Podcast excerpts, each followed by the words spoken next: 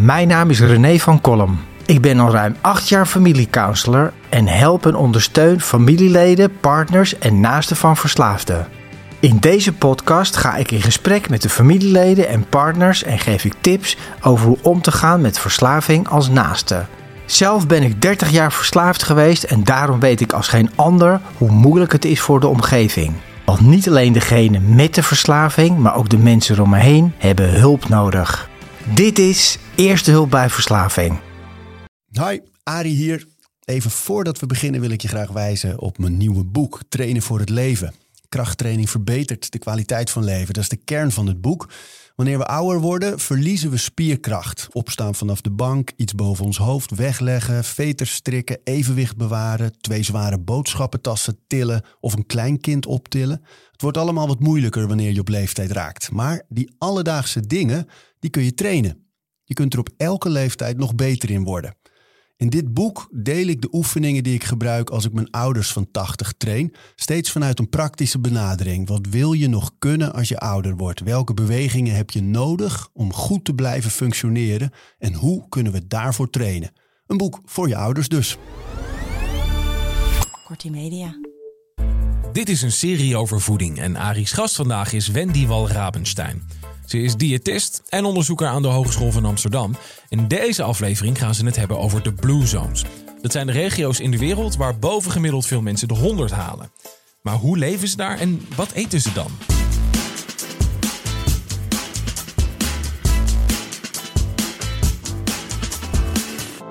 De Blue Zones. Ja. Laten we het eens even heel rustig gaan afwikkelen. Want we hebben eerder een gesprek gevoerd in deze serie. Toen hebben we het kort aangestipt. Mhm. Maar nou gaan we even uitpakken van wat zijn die blue zones? Waar komt die naam vandaan? En dan gaan we stapje voor stapje. Wat maakt een blue zone een blue zone? En wat kunnen we daarvan leren in ons eigen leven? Ja, ja. Ehm, het- ik denk dat het ongeveer twintig jaar geleden was dat eh, Dan Buettner, eh, dus ehm, een onderzoeksjournalist, eh, werkzaam voor National Geographic, eh, dit project Blue Zones eh, startte. En die naam die komt ehm, van een epidemioloog waarmee hij samenwerkte. Want ze waren op een gegeven moment al bezig om te kijken van waar wonen nou de meeste 100-plussers. En ze hadden een grote kaart opgehangen. En ze hadden dus cirkeltjes met blauwe stiften gemaakt. En, en uiteindelijk bleek dus dat binnen die, eh, die cirkeltjes, daar eh, was dus de hoogste concentratie van 100-plussers. En uiteindelijk werd dus ja, in het gebruik, eh, gewoon in de dagelijkse gang van zaken, werd dus die naam Blue Zone aangehouden. En toen hadden ze zoiets van, nou laten we dat maar vasthouden. Vanwege dus zo, de blauwe stift gewoon. Gewoon vanwege de blauwe rondjes op de wereldkaart. Ehm, dus zo is eh, ja, die term Blue Zones geboren. En uiteindelijk, ja, waar ze vooral naar keken, was waar wonen nou de meeste 100-plussers? En ehm, ze hebben toen vijf gebieden gevonden. Ehm, nou, en die gebieden, eh, dat zijn eh, Sardinië in Italië, Icaria in Griekenland, Nicoya in Costa Rica, Ehm, en Loma Linda in ehm, de Verenigde Staten, in Californië is dat. Vergeet ik er nou eentje? Japan. Japan, Okinawa. Ja, het eiland Okinawa. Het interessante is, op Okinawa zijn het vooral de vrouwen die heel oud worden. En op Sardinië is het vooral een mannenverhaal. Ehm en ehm, Wat is daar de reden van? ja, nou, het is in ieder geval zo dat op Sardinië de mannen. Eh, dat ze daar wel een, een. Dat is eigenlijk een van de weinige groepen waar ze ook een genetische component vonden. Dus dat zou wellicht een verklaring kunnen zijn. Ehm, want normaal worden ou- vrouwen vooral wat ouder. En, in op Okinawa is, het, eh, is de groep vrouwen die ouder wordt echt heel erg groot.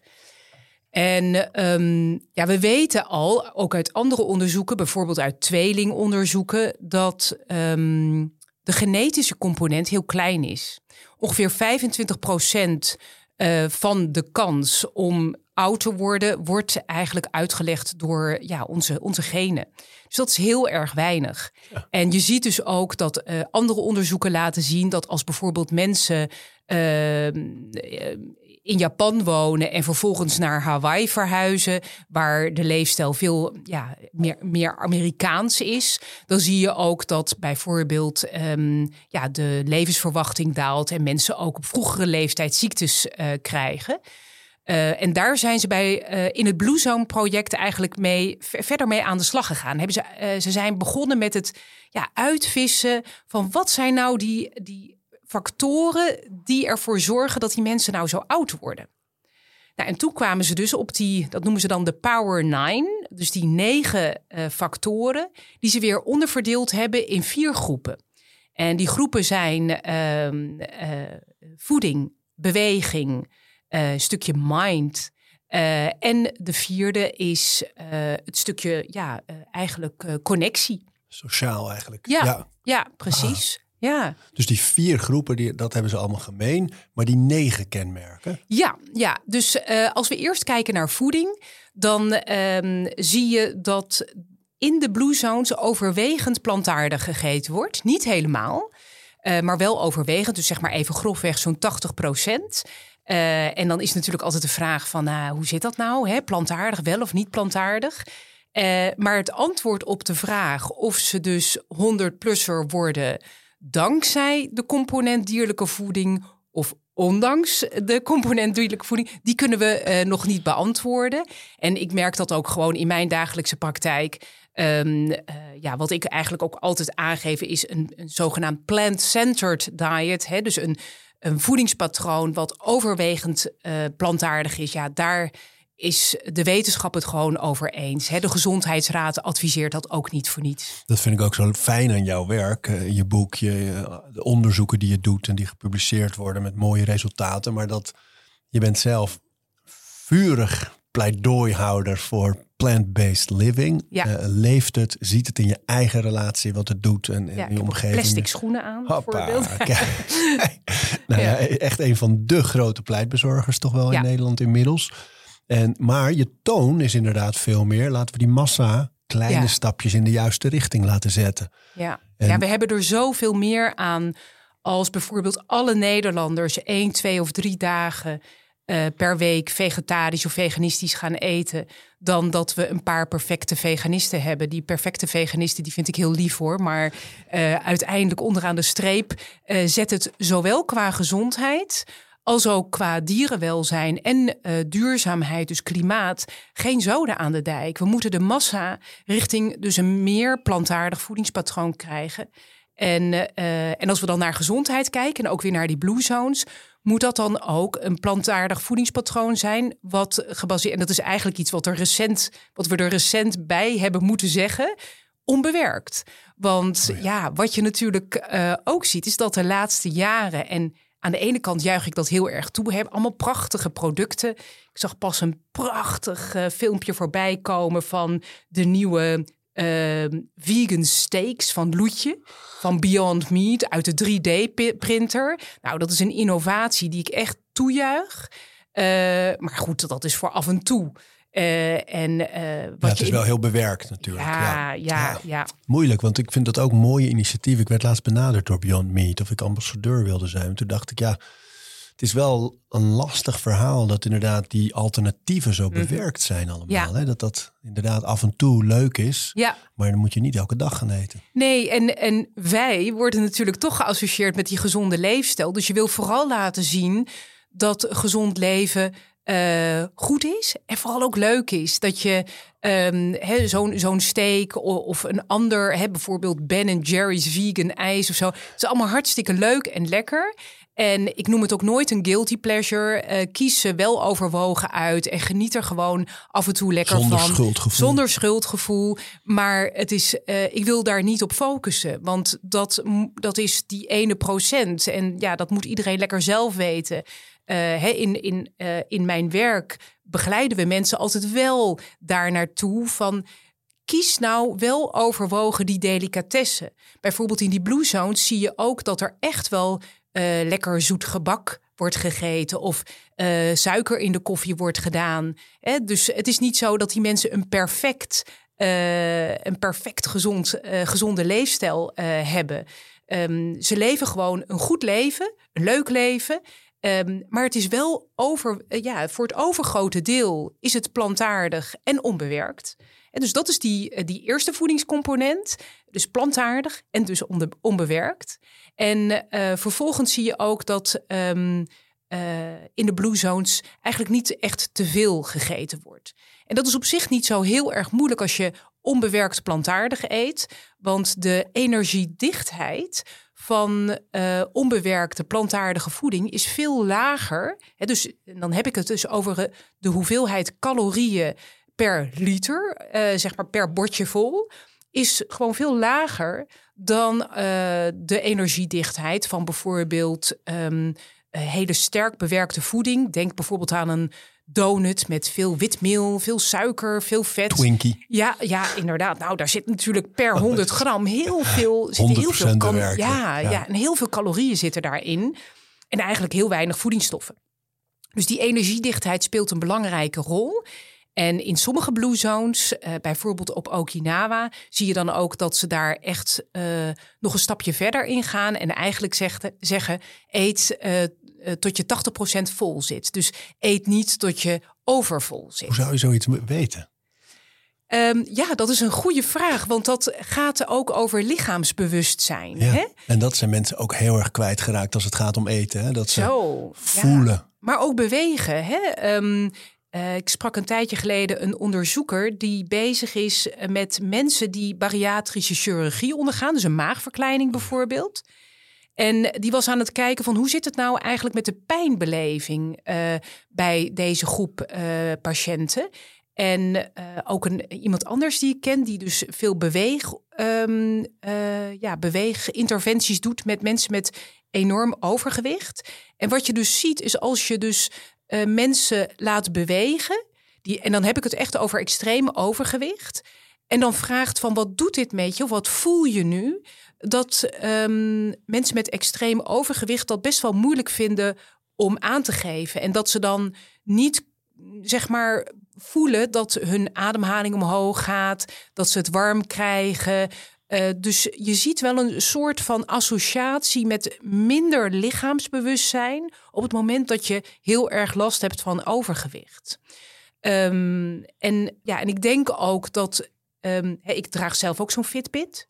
En dat is hartstikke leuk en mooi en goed. En het stimuleert je ook om meer te bewegen. Uh, maar um, uh, mijn collega Carlijn Wagenaar die zegt dat altijd heel leuk van ja, maar je kunt toch ook gewoon zelf nagaan hoe je je voelt. uh, of bijvoorbeeld als iemand zegt van ja, maar ik wil dat meten en ik wil bloedonderzoek laten doen. En dan zegt zij altijd waarom? Als je je goed voelt, dan is het toch oké? Okay? Ja, mensen zoeken die bevestiging. Hè? Precies, precies, ja. Dus um, ik denk dat het ook heel belangrijk is om de rust te nemen. We zitten natuurlijk, we nemen eigenlijk niet meer de, ja, de, de bewuste rust om te peilen hoe we ons nou eigenlijk voelen. Nee. En als je rustig eet en je niet laat afleiden door schermpjes, uh, dan ben je je waarschijnlijk ook iets bewuster van hoe vol je je nou eigenlijk, hoe vol je eigenlijk uh, zit. Um, dus dat speelt een belangrijke rol. En natuurlijk ook rustig eten. Ja. Het duurt gewoon een tijdje voordat je, ja, uh, voordat je beseft um, hoe vol je eigenlijk wel of niet zit. En de Okinawanen gaan daarin echt ver. Die hebben zelfs een soort spreuk voor het eten. Um, hara hachibu. En daarmee zeggen ze dus eigenlijk van dat ze, dat ze graag willen eten totdat ze verzadigd, maar niet te vol zitten. Oh man, mijn moeder zei dat vroeger altijd. Als wij, ik zit vol. Nee, je bent volledig verzadigd. Ja, ja, ja. Ja, ja, ja precies. En wat je bij de, bij de zen-boeddhisten leggen ze hun stokjes na elke hap even neer. Ja, precies. Maar dat probeer ik wel eens met, gewoon met de vork of het mes. En, en uh, een hap nemen en even neerleggen, het bestek. Alleen dat al doet zoveel voor je bewustzijn en het proeven. Ja. Je echt even, oké, okay, dan ben ik nu dus aan het kauwen. Mm -hmm. En ik moest toen je dat zei ook denken aan, ik was laatst op een retreat in, in jouw Italië. Ah ja, ook op een in berg. Piemonte, ja. ja. En daar was het eten nogal afgemeten. Dat was deel van het programma. Er was stilte, er was een soort detox dieet uh, ja. van vijf dagen. En de maaltijden waren vijf verschillende groenten elke keer. Uh, volledig plantaardig was het ook. Maar flinke hoeveelheden groente. En dan had je tussendoor snackmomenten. En die waren zo precies dat je soms... Dan kreeg ik bijvoorbeeld drie blauwe bessen, twee walnoten en een vijf. Oh, help Arie, daar kun ja. jij toch helemaal niet op leven? Nee, nee maar die, omdat die maaltijden stevig waren, oh, ging dat wel. Dit waren, ja. waren echt tussendoortjes. Alleen, ik merkte, de eerste gedachte was precies die jij nu net uitsprak. En, maar daarna, met name zo de tweede, derde dag, dacht ik... oh ja, ik pak die ene bes... En die steek ik in mijn mond en die proef ik nu. En daarna pak ik een walnoot. En, en die vijg. Of op een dag waren we de hele dag bezig geweest buiten kastanjes bij elkaar te, te, te vegen. En s'avonds hadden we gepofte kastanjes Heerlijk, bij die ja. steen. Dus dan zo bewust van dat kleine beetje, maar specifieke eten. Dat, dat hielp ook heel erg om de focus te leggen op wat ik nou eigenlijk aan het doen was daar. En wat ik proefde en voelde daarbij. Ja, mooi. een mooie oefening eigenlijk. Ja. Niet, niet, niet al te duurzaam, denk ik. Nee, nou, maar wel ja, eh, mooi. ja, precies. Nou ja, wij in, in eh, het programma eh, wat wij hebben ontwikkeld voor mensen met reuma en artrose, beginnen wij inderdaad ook altijd met een oefening voor mindful eating. En eh, hè, dus bewust eten. Dus dat je gewoon. Plans for Joints, hè? het heet Ja, het programma. precies. Even, en, eh, maar die oefening, hoe gaat dat? Eh, nou, dat is eigenlijk ook een, een ja, mensen uit de mindfulness zeggen: Oh, die oefening. Het is een hele simpele oefening met een, met een rozijntje. Oh, die ken ik. Ja, dus een, een hele ouderwetse oefening. Maar ja, het werkt nog steeds. Het Ja. is gewoon een oefening waarbij je je bewust wordt. Dat, dat zo'n rozijntje meer is dan alleen maar ja, eh, iets wat je wegwerkt. Maar ook een structuur heeft en eh, een geur heeft en een mondgevoel heeft. Eh, hè, dus zo op die manier bewust eten. Ik denk dat, nog, dat, dat heel weinig mensen dat nog doen. Hè? We zijn zo afgeleid. Je ziet het bijvoorbeeld ook bij slecht etende kinderen. Eh, als je dan kijkt van, van hoe moet je eh, dat nou aanpakken? Nou, een van de dingen is om echt een moment te nemen dat je eet. En dan 20 minuten alleen maar met z'n allen aan tafel. Alleen maar geconcentreerd op het eten. En dus geen muziek aan, geen Geen scherm. schermpjes aan, eh, maar gewoon eten. En als we van tafel lopen, is dat, dat is ook verstorend eigenlijk. Ja, eigenlijk. Eigenlijk zou, ja, is, is het wel ideaal om te zeggen van dit, dit is maar 15 of 20 minuten. En dat is gewoon de tijd die wij ervoor nemen om met elkaar aan tafel te zitten. En ja, bewust te eten. Dus ik denk dat dat eh, bewust eten al een, eh, voor, voor sommige mensen al een enorme stap is naar beter eten. Ik hoorde een heel mooi voorbeeld van mensen die verder niet gelovig zijn, maar die een, een, een eigen vorm van gebed hadden ingelast. En eh, een gebed aan het begin en een dank aan het einde.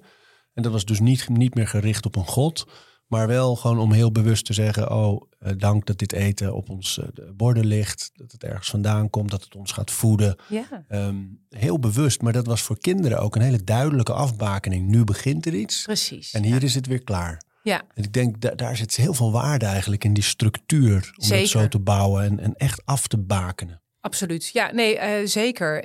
Dus eh, d- dat ja, bewust eten, bewust met elkaar eten, dan komen dan daar komen dan ook weer andere componenten van die blue zones in terug. Hè? Eh, bijvoorbeeld eh, het stukje connectie met je familie. eh, de rust die je daarin legt, wat ook stressverlagend is. Ehm, eh, en daar, daaruit blijkt ook weer dat die blue zones, de blue zones, dat is echt een, een holistisch concept. En dat gaat dus als je alleen maar de voedingsadviezen volgt of alleen maar de stressreducerende eh, adviezen volgt, dan kom je er niet. Hè? Het is een, een, eh, ja, een samenraapsel van allerlei componenten in die leefstijl die er samen voor zorgen dat je gezonder bent en ook lekkerder in je vel zit. En dat eh, heeft ook ehm, voor je brein allerlei positieve effecten. Dus dat eh, kan bijvo- bijvoorbeeld ook heel gunstig zijn voor de mate waarin je eh, een, goed, ja, een goed humeur hebt, bijvoorbeeld. Dus, ehm, nou, dus dat dan. En, en de derde component die met voeding te maken heeft. eh, heeft dus ook een beetje te maken met dat rustmomentje. Want dat, dat is namelijk wine at five. En dan denk je, huh, alcohol, hoort dat thuis in de blue zones? Nou, wat je inderdaad wel ziet, is dat in van de vijf blue zones wordt in, de, in vier ervan eh, eigenlijk bijna dagelijks een beetje alcohol gebruikt. Alleen in Loma Linda in Californië niet. Nee, want dat zijn de zeven- zevende dag Precies, en die hè, drinken ja. niet. En eh, bijvoorbeeld eh, op Icaria, op Sardinië, maar ook de dames op Okinawa. Sakeetje. Die, ja, die nemen om vijf uur gezellig even met elkaar een, een drankje. Dat zijn echter hele kleine glaasjes. En ik zeg tegenwoordig vaak van mag ook best een kombucha zijn zonder alcohol. Ik denk dat het nog meer gaat om even het rustmomentje en het gezelligheidsmomentje. Ik weet niet hoe dat bij jou zit, maar ik vind bijvoorbeeld eh, als ik eh, gewerkt heb en ik kom smiddags om een uur vijf eh, thuis of zes.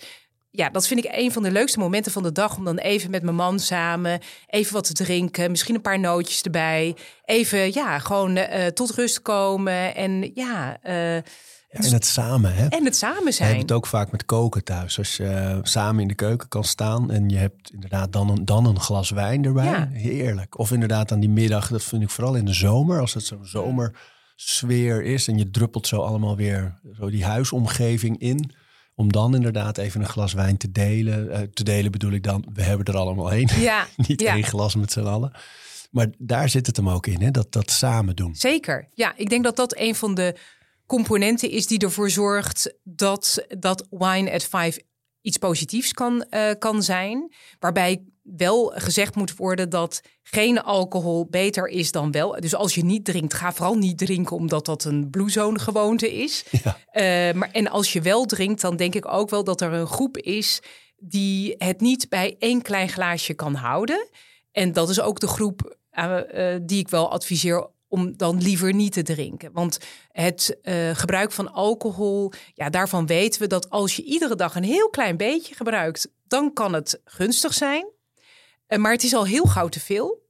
En bijvoorbeeld uh, drie dagen in de week niet drinken en vier dagen in de week twee of drie glazen per dag drinken, dat is echt ook weer heel duidelijk ongunstig. En verhoogt bijvoorbeeld bij vrouwen behoorlijk het risico op borstkanker en uh, wordt ook geassocieerd met een veel hoger risico op dementie.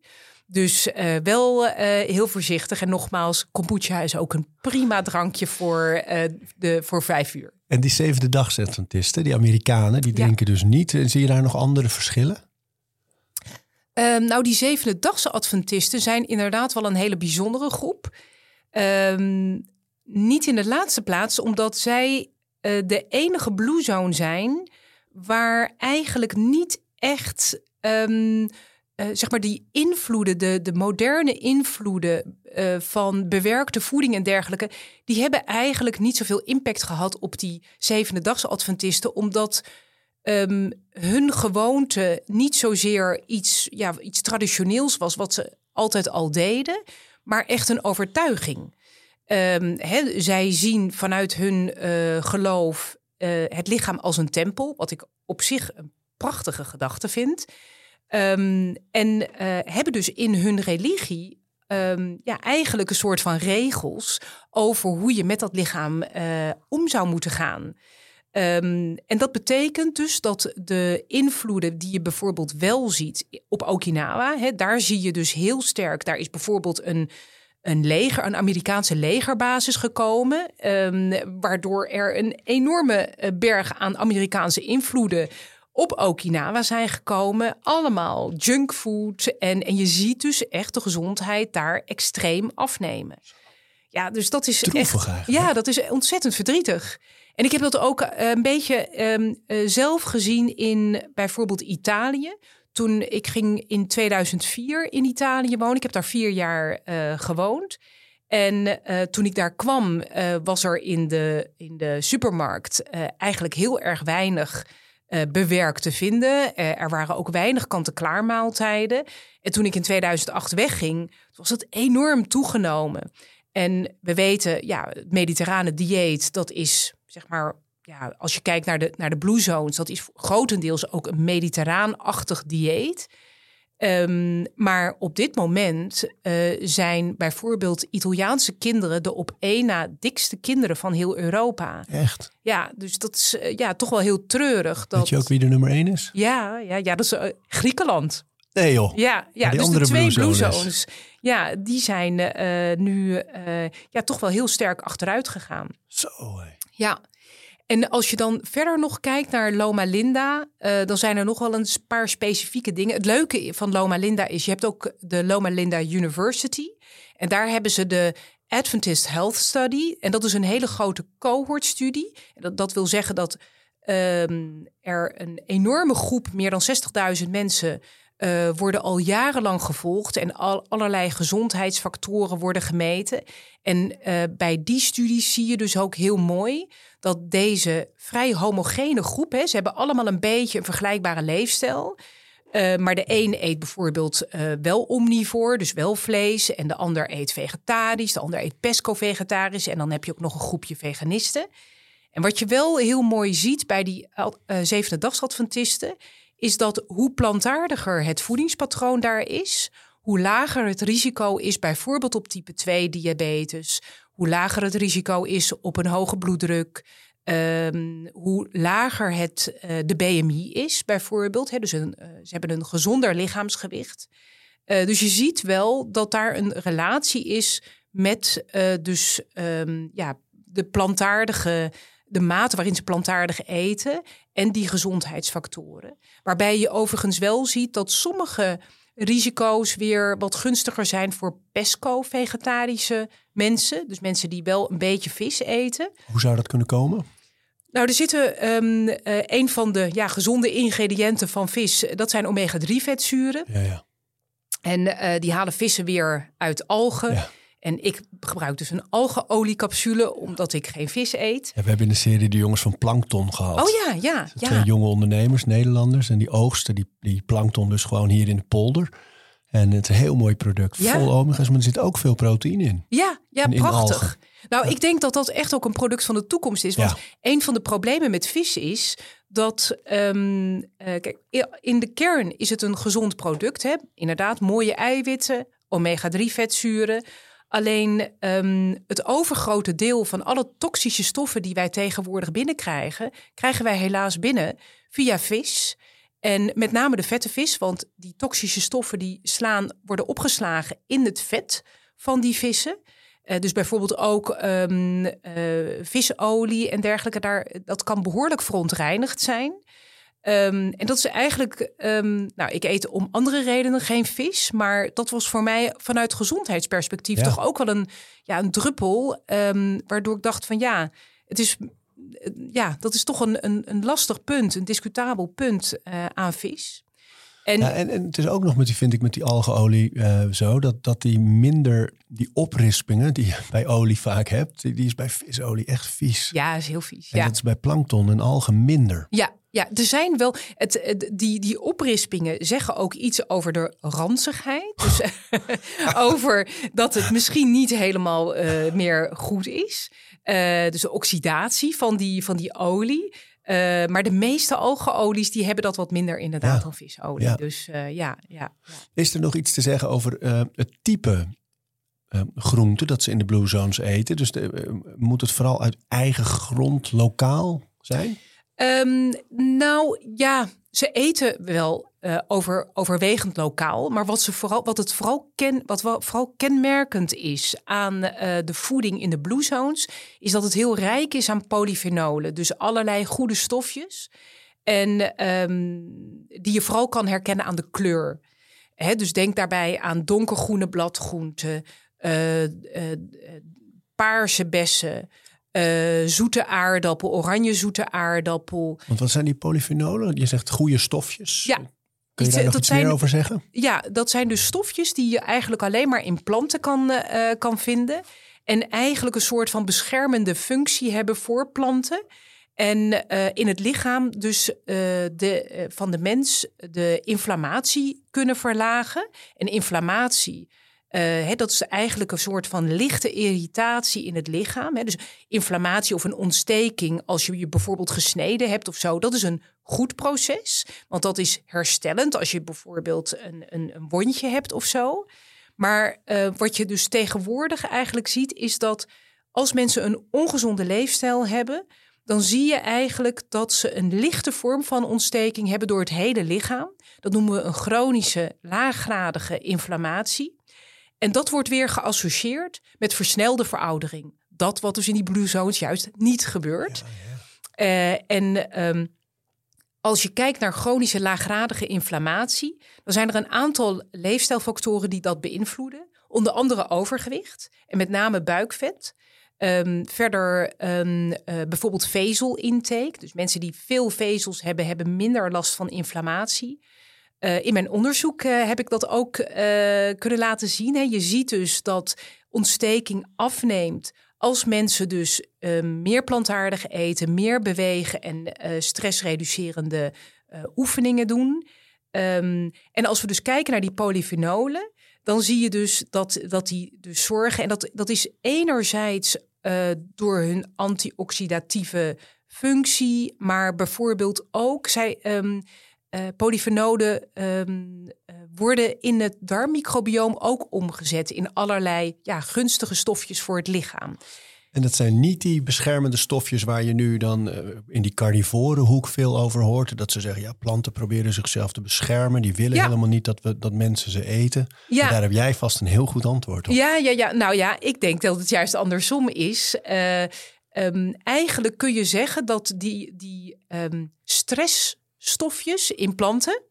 Uh, die zijn juist heel gunstig voor, voor mensen. En het komt er eigenlijk op neer dat um, een lichte vorm van stress. Jij neemt altijd van die leuke koude. Ik zie altijd van die mooie fotootjes op de social media. Zie ik Arie weer in een bad met uh, heel koud water zitten. Nou, ik doe dat dan ook met koud douchen bijvoorbeeld. Dat is een vorm van stress. Een, zeg maar een milde vorm van stress. Sommige mensen zullen het niet zo mild vinden, maar het is een milde vorm van stress. Um, die heel erg gunstig is voor ons. Uh, en dat is ook bijvoorbeeld met beweging zo.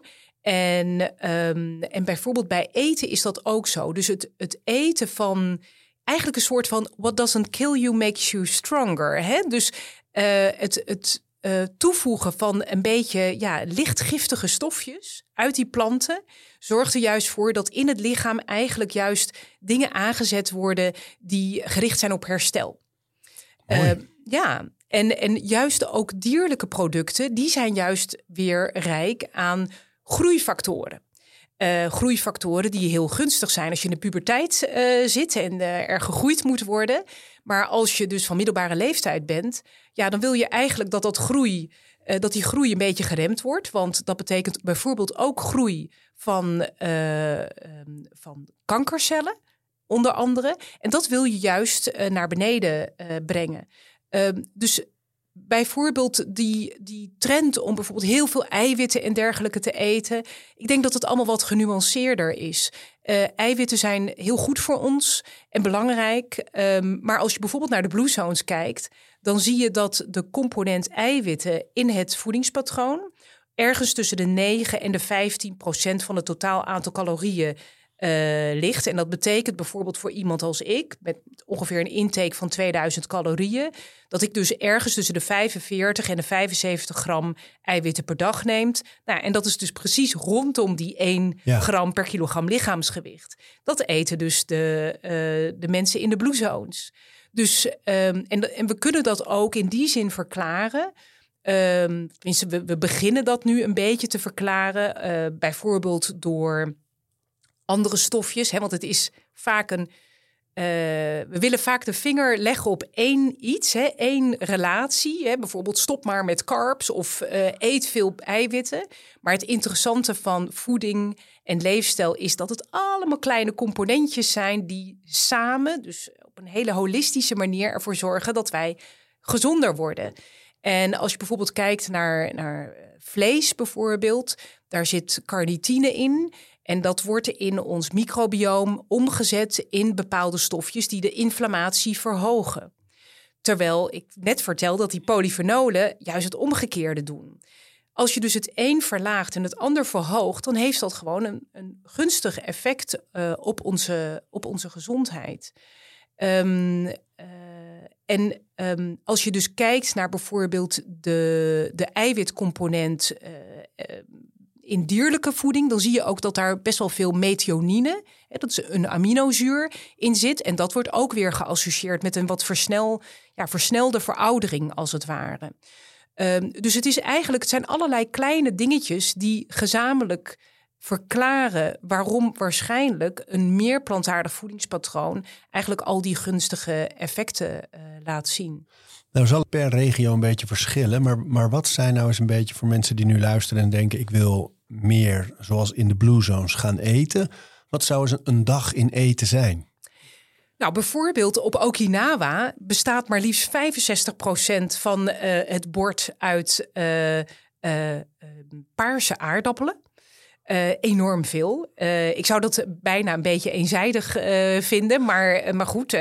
Uh, het voordeel is wel, daar zitten dus die prachtige, die paarse kleur. Dat zijn dus die mooie polyfenolen die dus die inflammatie verlagen en dergelijke. Maar goed, dus als je van zoete aardappelen houdt, oranje, paars, maakt niet uit, uh, dan kan dat best een heel groot deel van je bord zijn. Uh, eet je liever rijst, dan kan het ook bijvoorbeeld zilvervliesrijst zijn. Kijk je naar bijvoorbeeld Icaria, dan is dat bijvoorbeeld zuurdesembrood. Um, kijk je naar Sardinië, dan is dat wat meer pasta. volkoren pasta uiteraard. dus je ziet een flink component koolhydraten. Alhoewel ik niet, hè, het is wel belangrijk om even te benoemen Um, het is dus niet zo dat de Blue Zones per se een koolhydraatrijk dieet hebben. Dat verschilt behoorlijk. Uh, als je bijvoorbeeld kijkt naar Okinawa, daar zie je dus dat 65 procent uh, of meer, zelfs 75 procent uit koolhydraten bestaat. Zo. Ja, echt heel veel. Terwijl bijvoorbeeld op Ikaria uh, zit dat rond de 35 procent en eten ze heel erg veel vet, met name uit olijfolie. En dus in die zin ben ik ook niet pro-carb of tegen vet. Of het hangt er heel erg vanaf hoe je het samenstelt. Maar goed, overal zie je toch wel veel koolhydraten op dat bord. Zeg maar even grofweg 50 procent. En maakt het dan nog uit dat ze dus eh, dan bijvoorbeeld in de ene regio de koolhydraten echt uit de groente halen en, en, en in andere regio's toch uit die volkoren pasta bijvoorbeeld of zuurdesembrood? Nou, dat is het leuke. Dat maakt dus eigenlijk niet zoveel uit, want op Icaria inderdaad halen ze die uh, koolhydraten meer uit, uit groente en fruit. Terwijl uh, bijvoorbeeld op Okinawa dat veel uit aardappelen wordt ge uh, gehaald. En in Loma Linda eten ze weer een, eigenlijk een heel breed spectrum aan allerlei koolhydraten. Maar zitten ze ook wat hoger in die koolhydraatintake uit zetmeelachtige producten. Dus het maakt niet zo heel erg veel uit. Um, maar wat wel belangrijk is, is dat de component kleurrijke groente en fruit gewoon bij, in al die blue zones gewoon heel erg groot is. Um, Hoe het... vertaalt zich dat naar ons land? Dus stel je loopt die, die markt op of die, uh, die Ecopura in of misschien gewoon bij de supermarkt. Waar kijk ja. je naar? Wat, wat, wat pak je? Um, nou, uh, wat we hier natuurlijk hebben aan betaalbaar en kleurrijke groenten uh, zijn wortels, bietjes, boerenkool. Dat zijn wat mij betreft echt drie voorbeelden van echt Hollandse producten die super gezond zijn. Lekker ook en, drie. en hartstikke lekker. Boerenkool is een van mijn favorieten. Ja, man. En, um, uh, en het. Uh, dus er is ook niet zoiets als superfood of zo. Hè? Dat, dat kennen ze helemaal niet in die blue zones. Ze eten gewoon wat lokaal beschikbaar is. Dus, nou, heel even snel over de boerenkool tussendoor. Want ja. jij als plant-based liver Um, hoe uh, maak je van die boerenkool wat meer dan alleen boerenkool met aardappels? Ja, ja ik heb een uh, tijdje geleden uh, heb ik een receptje gedeeld. Um, Op je socials? Ja, moet ik even na. Waar in je boek staan er ontzettend veel. Ja, maar ik zal hem anders opnieuw wel even delen via Leuk. mijn social media, via Instagram. Um, nou, ik, mijn ex-schoonmoeder maakte echt de lekkerste boerenkool ever. Met veel boerenkool, aardappelen en gort. En What? dat kookten ze allemaal in één pan. En daarbovenop lag dan zo'n gigantische, uh, goffe uh, slagers uh, rookworst. Ja. En een flink stuk spek. En, um, en dan uiteindelijk liet ze die, die, die, dat water een beetje zo opkoken. En dan werd dat ge, nou, echt een heerlijke, smeuïge um, boerenkool. Uh, ja, en ik eet natuurlijk die worst en die spek niet meer. Dus wat ik doe is, uh, uh, ik koop altijd gerookte tofu. En dan uh, verwarm ik in een pannetje behoorlijk wat olijfolie. En dan doe ik die gerookte tofu in kleine blokjes daarin. En dan strooi ik dan een beetje extra gerookte paprika poeder over. Want dan krijg je nog iets meer die rooksmaak. En dan bak ik dat rustig en dan giet ik dat als een soort van juutje met lekkere spekjes. Uh, ik, krijg, ik krijg al trek als ik ja, over aan het water loopt in de mond. Ja, ja precies. maar um, zeg maar het basisrecept, dus in één pan water, aardappelen, gort en die boerenkool. Dat is hetzelfde gebleven. Nou, dan stampen en dan uh, lekker die uh, spekjes eroverheen. Lekker, Super lekker. Ja. En soms doe ik er ook wel een, een fake uh, rookworst bij. Uh, maar niet te vaak. Nee, wat mij betreft die spekjes zo. Het is een prachtig product, die gerookte tofu. Uh, die doen het hartstikke goed. Dus, Even kijken, dus we hebben het over die groenten. Nou, Ja. eh, verder eh, veel bessen natuurlijk. En die zijn natuurlijk best wel duur. Eh, maar ik zou iedereen willen adviseren om ook eens even in het diepvriesvak te kijken. Eh, want je hebt ook prachtige, ook bijvoorbeeld bij wat goedkopere supermarkten, heb je grote zakken met eh, mooie bessen in de diepvries liggen. Ehm, die doe ik bijvoorbeeld door mijn overnight oats. Hè. Dus dan heb ik havermout. Ik maak het dan met eh, sojamelk, maar dat kan ook eh, in principe met gewone melk. En dan lekker bessen erin en lekker veel zaadjes, walnoten, lijnzaad, rijk aan omega-3 vetzuren. En dat meng ik dan en dat zet ik gewoon afgedekt op het aanrecht. En de volgende ochtend eet ik dat. Ehm, die boerenkool, die gooi ik trouwens ook graag. En dat doe ik ook gewoon met eh diepvries boerenkool door mijn green smoothie, 's ochtends. ja. Echt prima. Doe je, kook je hem dan nog van tevoren een beetje? Nee hoor, Of- nee, gewoon, de rauw, deelblokjes uit de diepvries. Ja. Eh, in mijn, eh, wel een superblender. Eh, dat is wel fijn. Eh, dus eh, in de blender samen met een banaantje en een beetje citroen en een komkommertje of zo. En super lekker. Ja, ik heb een tijdje heb ik een, in, de, in de ochtend bij mijn ontbijt een shake gemaakt met vijf verschillende groentes, maar allemaal rauw. En toen begon ik wel te merken dat dat voor mij in ieder geval iets te veel was qua... Het kostte me moeite het goed te verteren, had ik het gevoel. Omdat het was rauwe boerenkool, spruitjes, spinazie. En dan deed ik vaak nog een, een selderij of eh, weet je, dat, dat wat ik eigenlijk Ja. een beetje wat ik maar voorhanden had. En Ja. soms wat rucola of paardenbloembladen.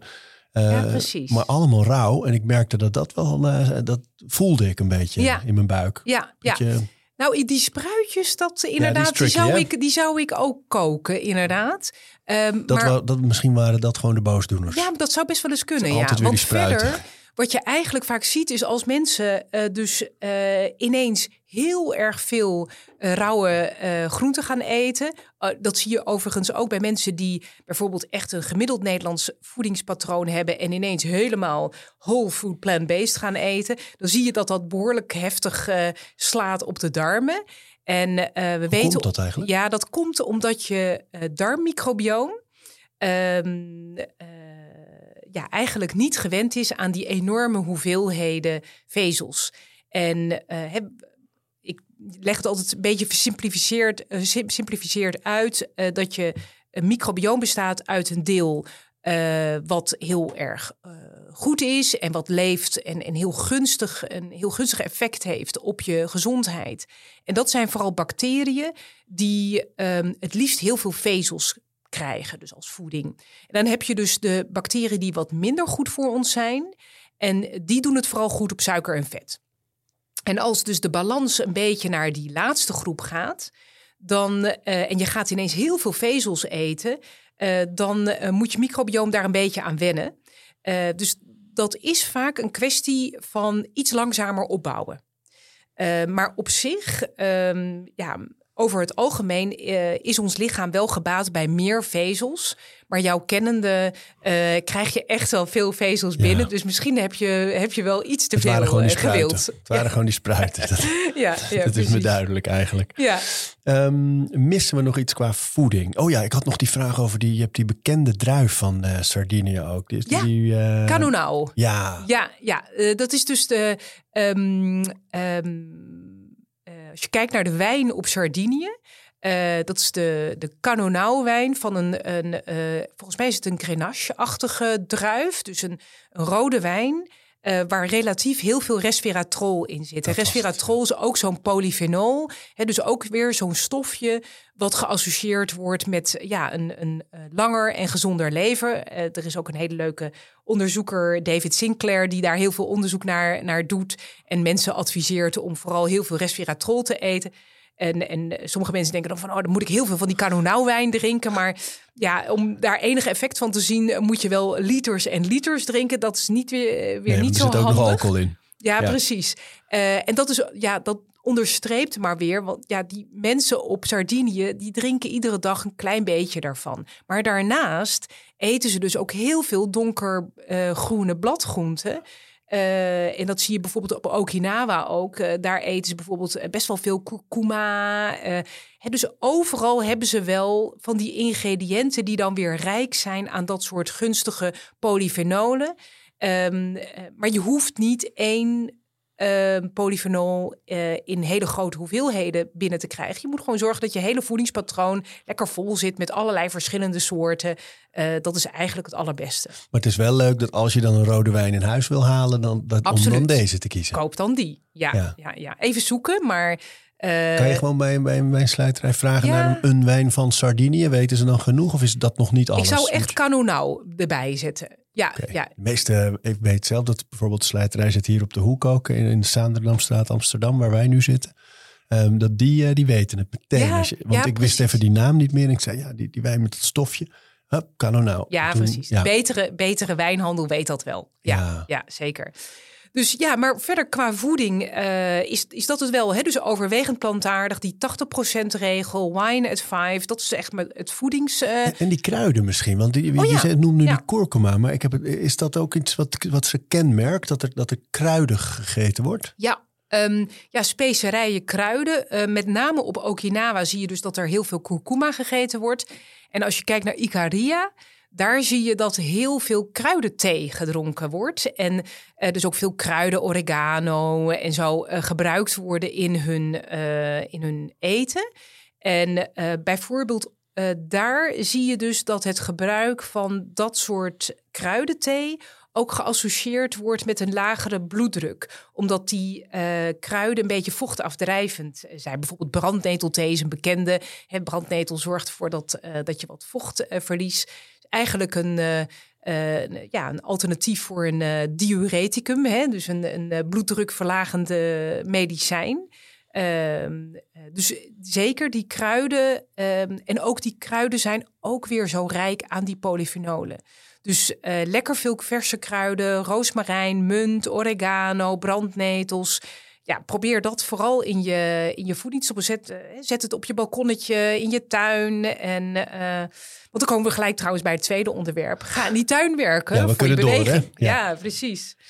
Um, uh, want dat doen de uh, mensen in de Blue Zones ook allemaal. Hè? Ze hebben allemaal een groentetuin.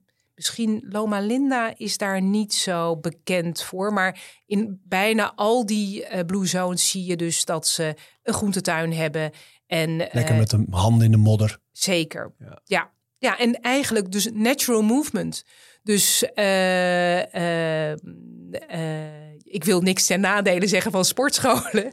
maar um, ja, de Blue Zone, mensen in de Blue Zones gaan niet naar de sportschool. die bewegen thuis, hebben geen hulp in de huishouding, doen alles zelf, um, werken veel in hun groentetuin en lopen ook heel erg veel. En dat zie je bijvoorbeeld ook in allerlei andere onderzoeken. Um, bijvoorbeeld, uh, ik ga graag met het openbaar vervoer. En een van de redenen is omdat ik gewoon weet, als ik mijn stappenteller bekijk, als ik met het openbaar vervoer ga uh, naar mijn werk, uh, dan kom ik met gemak aan 10.000 stappen per dag. Terwijl als ik thuis werk of met de auto ga, dan moet ik daar echt mijn best voor doen.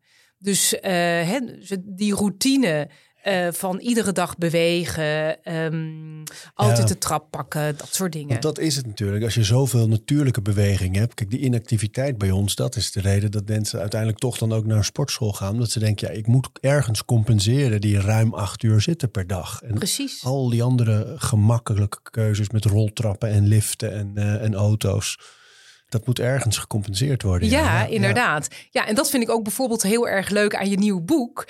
Dat dat zo gericht is op dat fysieke functioneren. Ja. Want dat is eigenlijk um, zeg maar de visueuze cirkel naar boven. Hè?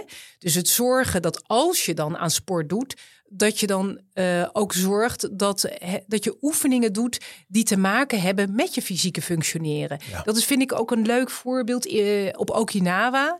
Uh, dat ze daar heel weinig meubels in huis hebben. En eigenlijk altijd op de grond zitten. Um, en uh, dus de hele tijd ja, op de grond zitten en weer opstaan. Staan, squatten. Ja, burpees. hartstikke goed. Ja. ja. En dat was ook voor mij toch wel een verrassing in mijn onderzoek. Uh, hoezeer, um, hey, ik vind het heel normaal dat als je op de grond ligt, dat je dan heel snel weer kan opstaan. Um, maar er zijn heel veel mensen die dat niet kunnen of niet meer kunnen.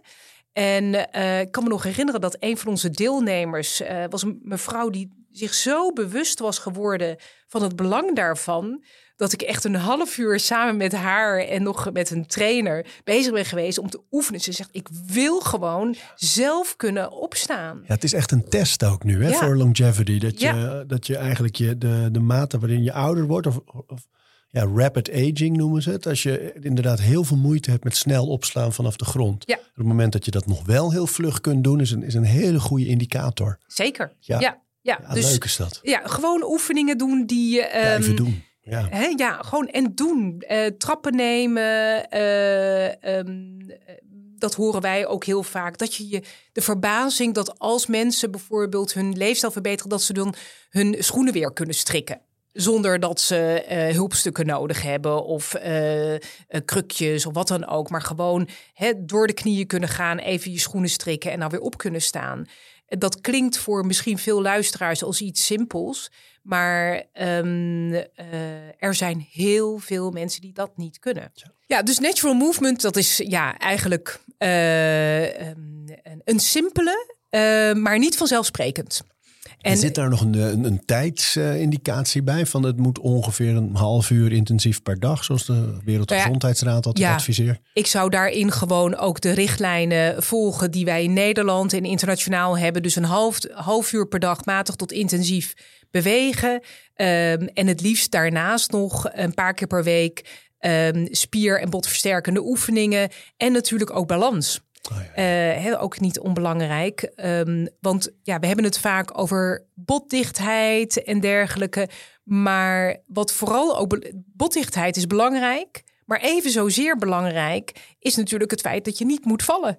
Want ja, dan breek je wat. Dus eh, die twee moet je alle twee eh, in de gaten houden. Ja.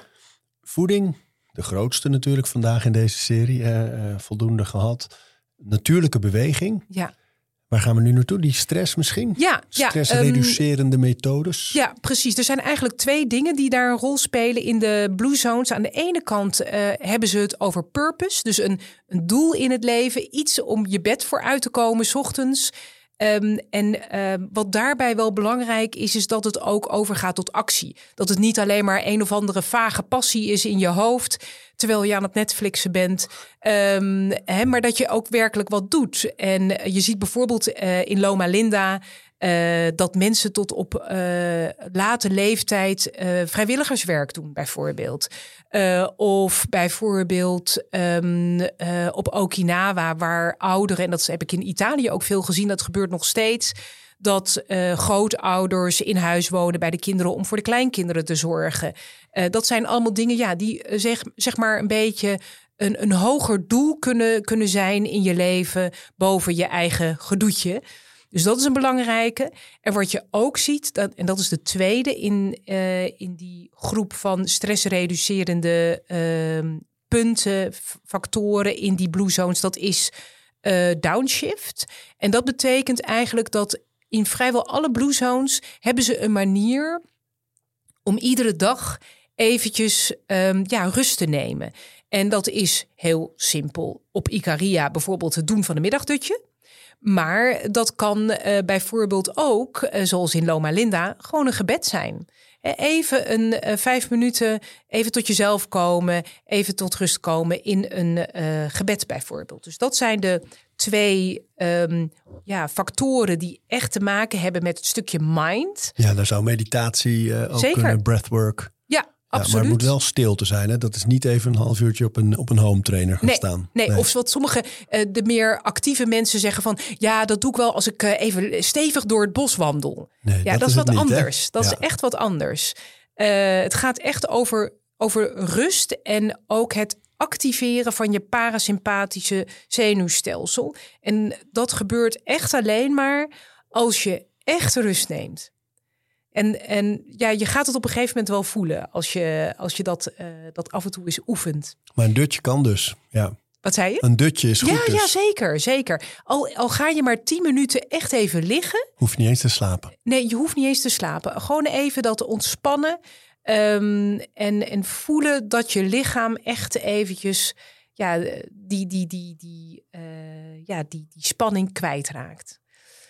Ehm, dus dat zijn de twee onderdelen die te maken hebben met stress, met mind, zeg maar. En dan heb je nog de laatste groep. En dat zijn drie factoren die te maken hebben met verbinding.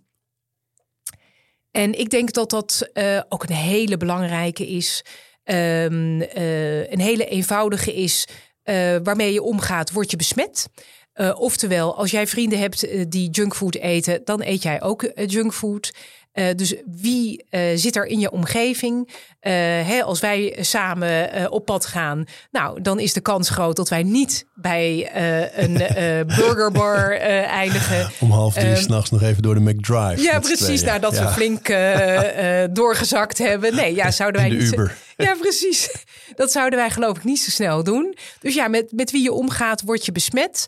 Um, dat is heel erg belangrijk. Hè? Kies, je, uh, kies je vrienden uh, of neem ze mee en motiveer ze. Uh, om, ja, trek ze mee in, in jouw gezondere leefstijl. ga dan alsjeblieft niet met het vingertje wijzen, maar doe het gewoon voor. Ja, en het is echt zo. Want wij kookten al best veel thuis allemaal. Mijn schoonmoeder woont bij ons op het erf. Um, dat is ook Blue Zones. Ja, ja, ik wou niet zeggen. Dat... maar, um, en wij doen nu dat Marley Spoon. Oh ja. Het is zo'n zo'n uh, zo'n service dat je dan, uh, ja, je koopt eigenlijk een doos met heel veel verse groenten. En wij doen dat echt wel voor drie, soms wel vier uh, dagen in de week. En dan koken we het omste beurt, want je krijgt gewoon een brief erbij met allemaal, ja, elke stap van het koken. Was de groenten, snij, snij dit in stukjes, doe ondertussen dat in de pan. En het gewoon echt een soort puzzeltje dat je kan leggen. En aan het einde heb je een prachtige maaltijd. Maar het leuke daaraan is, merken we allemaal dat we ineens veel meer verschillende soorten groenten eten. Waar je toch snel geneigd bent, normaal gesproken, bepaalde evergreens noem ik het altijd. Van ja. dingen die je nou eenmaal lekker vindt of makkelijk weet te bereiden. Dat je die dan maar heel veel pakt. Maar door met zo'n service te werken thuis sinds enkele maanden eten we veel diverser nog. En ja, precies. we merken het echt aan de energie. Ja, en dat is dus ook leuk. Hè? Dus door samen eten of eens een keer, zeg maar, die. Uh, door je, je, je eten te laten, uh, op die manier te laten bezorgen. Door, dus door verandering uh, aan te brengen. Um, word je weer geïnspireerd. En overigens het eten van heel veel verschillende soorten groenten en fruit en vezelrijke producten uh, wordt ook geassocieerd met een veel mooier microbioom, een gezonder microbioom, wat uiteindelijk weer zorgt voor lagere inflammatie en dus ook uh, een, een, het remmen van die versnelde veroudering. Dus het is allemaal heel erg gunstig. Zitten inderdaad. we toch weer in eten? Ja, ja, ja, zitten we toch weer bij het eten. We ja. waren bij de, maar we waren bij, even kijken hoor. vierde, het, het Ja. verbindende, het sociale. Ja, precies. Dus de right tribe. Hè? Dus de, omgaan met de juiste mensen. eh, in de zin van mensen die ook een gezonde leefstijl eh, hebben. Ehm, en als ze die niet hebben, dat je dan toch probeert mensen te motiveren om wat leukere, gezondere keuzes eh, te maken. Vervolgens zie je ook, ja, family first. Hè? Je gaf net al een mooi voorbeeld over je schoonmoeder die op het erf woont. Ehm, eh, dat zie je in de, in de Blue Zones heel veel. Dus eh, echt eh, aandacht voor de familie, samenwonen van meerdere generaties. Ehm, en, en echt tijd nemen ook voor de, voor de familie. Dus dat is een hele belangrijke. Family first noemen ze dat als een van die negen Blue Zone factoren. En dan eh, de, de, ander, eh, de, eh, de allerlaatste is belong.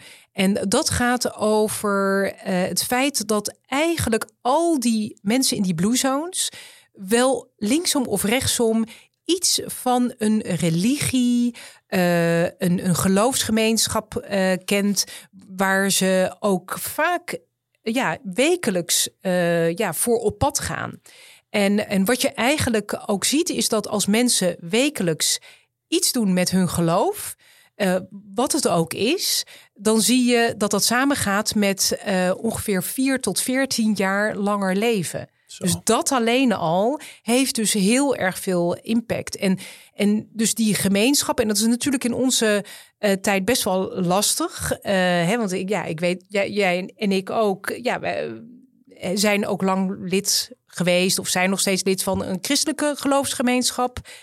En toch, ja, je, je merkt dat het, dat het, ja, het zijn vooral heel veel oudere mensen die daar nog lid van zijn. Ehm, het kost echt wel veel moeite om toch, ja, iets met zo'n gemeenschap ja, te blijven onderhouden. Ja, ik denk in de tijd is het heel moeilijk om dat in je ritme te houden. Omdat voor iedereen is het juist zo dat dan die zondag, waar het met name plaatsvindt in Nederland, uh, de enige dag is dat er even niks op een agenda staat, normaal gesproken, bij de Mhm. meeste mensen. En dan ga je jezelf dan toch weer in die modus gooien om om half tien of tien uur ergens in een kerk te zijn. Met de hele organisatie die daarbij hoort. Dus, Ja, zeker als je kinderen hebt. Ja. ja, maar het is, eh, ja, het is een, een moeilijk om dat in het ritme te houden. Terwijl het belang ervan. Ik, ik ga wel eens, als mijn vader ergens in de buurt preekt, gaan wij wel. ehm, af en toe is dat dus.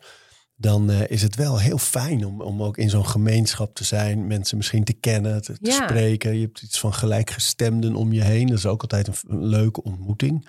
ja, en het gaat dus even niet over werk, Ja. over eh, dingen die moeten. Ehm, het is ook een soort van stilstaan bij elkaar. En bij, ja, zeg maar, de andere dingen die het leven zo mooi eh, maken. En, en, en ook daar zie je weer bewust, eh, bewust leven. En het is niet altijd makkelijk. Ehm, maar, en ik denk dat dat echt essentieel is. Als je kijkt naar de Blue Zones, dan is er één ding wat je daar niet ziet. En dat is comfort. En eh, ik denk dat dat het, grote probleem is van onze tijd. Eh, de, de, niet alleen maar de enorme hoeveelheid comfort die we hebben, maar ook de hang naar comfort. Ehm, eh, het altijd maar comfortabel willen maken van ons leven. Ehm, eh, dat ja, is, niet zo, is niet zo goed voor ons. Eh, en of het nou te maken heeft met bewegen, of het nou te maken heeft met aandacht voor je eten, je best doen om een lekkere maaltijd zelf te bereiden. Of het nou te maken heeft met ehm, tijd vinden om echt even tot rust te komen zonder schermpje. Ja, want dat is dus het comfort dat je dan bedoelt. Is dat we eh, gemakzuchtig eten. eh, Ja. Veel bewerkt of we bestellen of eh, we halen het ergens. Ehm, comfort is ehm, alles invullen met een schermpje, want het kan. Dus of lekker gaan hangen en kijken, want het is mogelijk. Comfort, dat is allemaal, het zijn vormen van comfort. Comfort is ook de, de roltrap, de lift. Dat bedoel je toch? Ja, en eh, de verwarming lekker hoog. Eh, eh, het is dus allemaal eh, die lekkere bank. Op Okinawa hebben ze niet een lekkere bank, zit op de grond. Dus moeten de hele dus het zijn allemaal van dat soort kleine factoren. Niet zomaar de auto pakken, maar toch dat stukje lopen naar de bushalte. Overal waar je kijkt, zie je in die blue zones dat er een stukje comfort ontbreekt. Eh, waardoor je genoodzaakt wordt om iets te doen wat even, daar moet je je even toe zetten. Maar uiteindelijk levert het je niet alleen meer gezondheid op, maar ik ben ervan overtuigd dat het je ook meer vreugde eh, op, eh, ja, oplevert. Ehm, ik werd pas geïnterviewd door iemand en toen ging het over: heb je nu een leuker leven? Hè? Want je, je ontzegt jezelf zoveel. Ja, dat, dat gevoel, dat, nou, dat zie ik bij jou ook niet. Hè? Ehm, wij doen allerlei. Ik, ik zag het ook pas bij jou toen je je ochtendroutine beschreef. En Ja. daar heel veel mensen op reageerden. En, eh, en ik vond het ook zo mooi dat je, dat je eh, als reactie bijna daarop zei van... nu de mijn avondroutine. Ik vond hem echt geniaal. Want ehm, het lijkt wel alsof het een straf is. Ja. Maar we weten, wij weten, en, maar je moet het dus ervaren om het echt te weten, Ja. Dat je er echt blijer van wordt. Ja, sporters horen het ook vaak. Hè? Van, eh, is het geen offer? Is het geen opgave? Ontzie- Ontzeg je jezelf niet te veel? En dan hoorde ik laatst een sporter het antwoord op geven. En die zei, ja, maar je moet je voorstellen dat je iets het aller, allerleukst vindt om te doen. En Ja. dat het je het allermeest energie geeft. En het allermeest contact met anderen. En dat, dat is wat ik elke dag kan doen. Ja. Zo zie ik dit ook een beetje. Van als je, als je durft daarvoor te kiezen. Allereerst is het, een- is het echt een misvatting dat gezond leven eh, saai zou zijn. Ja. Want meer smaak, meer energie, meer, noem het allemaal maar op. Veerkrachtiger, minder vaak ziek, sterker. Eh, Ja. Het is allemaal zo. eh, en, je- en je wordt dus ouder, goed ouder. Want, ja, want precies. dat is denk ik een belangrijk onderscheid Ja. nog in de tijd van longevity. Dat overal maar gaat over ouder worden. Kijk, we worden, staat zo mooi in jouw boek. ehm, we worden ouder dan ooit. Maar we zijn vooral als samenleving langer, langer ziek. ziek. Ja. Ja, en dat zie je ook, dat is ook een stuk comfort. Wat doe je als je eh, diabetes krijgt? Neem je dat pilletje? Of ga je inderdaad die, die moeilijke stap eh, zetten, die echt niet eenvoudig is, maar waar gelukkig wel steeds meer mensen voor zijn om je daarbij te helpen om gezonder te leven. Dat pilletje, dat zorgt ervoor dat je direct, ja, de symptomen worden bestreden. Ehm, en, uh, maar het, het remt de ziekte uiteindelijk niet. Het, die ziekte blijft dus erger worden. Dat zie ik bijvoorbeeld ook in mijn onderzoek bij mensen met reumatoïde artritis. Uh, waar we gelukkig fantastische medicijnen voor hebben. En ik motiveer mensen ook altijd om daar echt gebruik van te maken. Ben zeker niet anti-medicatie. Maar ga tegelijkertijd alsjeblieft ook kijken wat je op het gebied van leefstijl kan. Want anders is het pad gewoon iedere keer meer medicijnen. Uh, en ondertussen best wel veel bijwerkingen. Het helpt ook niet altijd. Terwijl als je het combineert met allerlei leefstijlverbeteringen, dan zie je in sommige gevallen dat mensen zelfs die medicatie kunnen afbouwen, zelfs soms tot nul. Helemaal stoppen, ja. ja.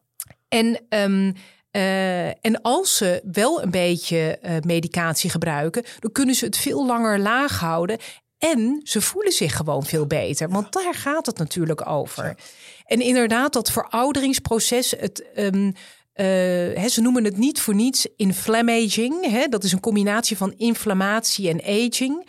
Het is dus die chronische laaggradige inflammatie die door al die negen blue zone factoren eigenlijk verlaagd worden.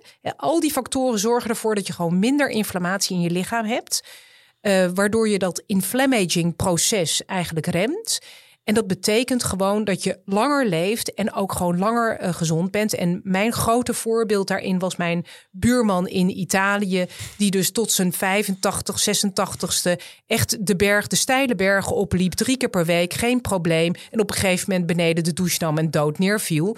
Ja, zo willen we toch allemaal uh, eindigen, zeg maar. Hè? Ik zou wel wat ouder willen worden nog, maar die man was wat mij betreft het toonbeeld van ja, gewoon helemaal vol geleefd tot zijn laatste. Ja, tot zijn laatste dag. Dat wil je toch ook? Ja, ja. Joh, ja. Hey, en als we het samenvatten, hè, het, het betoog. Um, die negen factoren, kan je ze noemen? Ja, dus overwegend plantaardig. Uh, eet tot je 80% vol zit. Wine of kombucha at 5. Uh, vervolgens move naturally. Uh, dan een purpose in life, dus een hoger doel in je leven. Een dagelijkse routine van ontspannen. Uh, en dan dus de drie belang-factoren. dus je familie, hè, dus family first. the right tribe, oftewel zorgen dat je met de juiste mensen omgaat. En belong, dus iets van ja, een, een, een religie, geloof, dat helpt ook. Man, smullen. Ja, ja. Heerlijk. Hey, even, uh, Plant for, Plants for Joints heb je genoemd. Is ook een Instagram-account, dus een platform inmiddels. Klopt. Uh, het onderzoek, daar wordt heel veel gepubliceerd over de mooie gevolgen van plantaardig eten op reuma en ontsteking. En ja, we hebben ook gezondheid. Een, een website, plantsforhealth.nl. Dat is nog allemaal in, uh, in opbouw, maar we zullen via die website en ook inderdaad via Plants for Joints uh, op Instagram ook onze, de resultaten van onze onderzoeken binnenkort gaan delen. Er zijn hele mooie resultaten en ook uh, wat mooie filmpjes van deelnemers. Dus dat is inderdaad uh, ja, een van de, van ja, die zijn ontroerend, want we hebben al een teaser van gezien. Ja, ja, ja. Ja, dan heb je, ik ben via jou ben ik PAN gaan volgen. Ja. Physicians Association. For Nutrition. Ja. ja, Physicians Association for Nutrition is eigenlijk een internationaal initiatief van zorgverleners die meer aandacht willen voor voeding uh, in de zorg, gericht op gezondheid, maar ook duurzaamheid. Uh, en pen uh, underscore NL is het uit mijn hoofd, of pen Nederland, uh, heeft ook een Instagram-account. Ja. En zorgverleners kunnen ook lid worden. we hebben al ruim 100 leden die zich ja, iedere dag inzetten voor meer aandacht voor voeding in de zorg. Ja, mooi. En jouw ja. eigen account is gewoon Wendy Walrabenstein. Walrabenstein, zonder ja. Wendy. Ja. Oh, geen oh, gewoon Walrabenstein. Oh, okay. Ja, okay. ja. Ja, nou, dus... dan, zijn we, dan zijn we er, denk ik. Mensen ja. weten je te vinden. Ja, dankjewel. Dank dat je er was. Ja, heel graag gedaan. Bedankt dat je luisterde. Elke donderdag stuur ik een mailtje met drie leuke tips. Boeken, docu's, artikelen die ik tegenkwam, producten en accounts waar ik zelf veel aan had en waarvan ik denk dat jij ze ook inspirerend vindt. Wil je dat mailtje ook graag ontvangen? Schrijf je dan in op mijn website ariboomsma.nl. Dan stuur ik je voortaan elke donderdag een mailtje met drie leuke tips.